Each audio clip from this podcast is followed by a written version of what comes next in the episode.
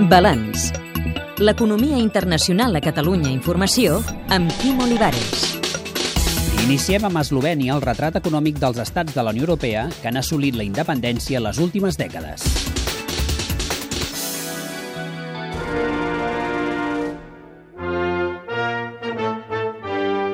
Segons Davorin Krasen, professor d'Economia a la Universitat de Maribor i exministre d'Exteriors de la República d'Eslovènia, a començament dels anys 90, a Iugoslàvia no funcionava gairebé res.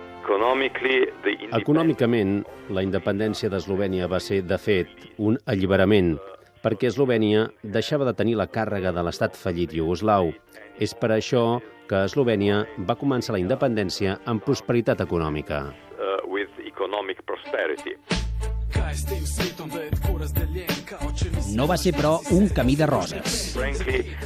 Francament, els dos primers anys van ser bastant difícils perquè moltes empreses eslovenes estaven lligades al mercat iugoslau i aquelles que no van poder transferir la seva producció del mercat iugoslau cap a l'occidental van fer fallida. Tothom sabia que totes les coses no serien tan fàcils, però els avantatges de la independència eren més grans que els desavantatges. uh. Però el procés d'independència també té ombres. Abans de la independència hi havia plena ocupació a Eslovènia, no hi havia atur. Amb la independència va començar l'augment de l'atur, però no va ser només com a conseqüència de la independència, sinó també per les reformes econòmiques i l'economia de mercat. Efectivament, Eslovènia ho tenia tot per fer. La liberalització del mercat va permetre a les empreses eslovenes treballar a qualsevol lloc del món, però, per descomptat, també va obrir el mercat a les empreses estrangeres. També hi va haver reformes fiscals. Eslovènia va començar les negociacions per ser membre de la Unió Europea, l'Organització Mundial del Treball, i va introduir un banc independent central. Coneguem ara les principals dades del país.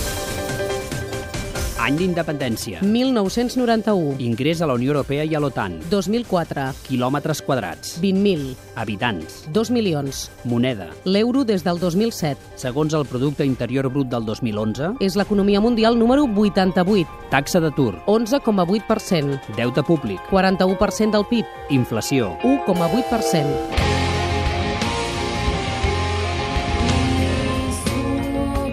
Com a exministre d'Afers Estrangers, Davorin Krasen reconeix que va ser difícil posar Eslovènia al mapa mundi. Uh, Sí, ho va ser, perquè Eslovènia es confonia amb Eslovàquia. Aquest problema encara no està resolt del tot, perquè molta gent no està al cas d'on és Eslovènia, ni tampoc de quines són les possibilitats per treballar amb Eslovènia. Also possibilities to work with Slovenia. Ara el país manté relacions amb Sèrbia i Croàcia. Have normal economic Tenim relacions econòmiques normals també amb Sèrbia i amb Croàcia, i tots dos són ara socis econòmics importants d'Eslovènia. economic partners of Slovenia. I aquests són els punts forts de l'economia eslovena. Car production, Producció de cotxes, peces de recanvi per a cotxes, productes farmacèutics, tèxtils, alguna indústria química, processos industrials del metall, també el sector serveis, transports, serveis financers... financial services, Popovdne v Ljubljani vse slovenska vstaja, protesti še v več Les protestes, però, han arribat als carrers eslovens i el fantasma del rescat internacional també plana sobre el país. Eslovènia encara no està fora de la recessió. És un dels països menys endeutats de la Unió Europea, però hi ha problemes per saber com serà capaç d'introduir i fer les reformes econòmiques. La reforma de les pensions està una altra vegada programada i també el nou programa de rehabilitació bancària. Però aquest és el mateix problema que vostès tenen a Espanya. But this is the same problem that you have in Spain.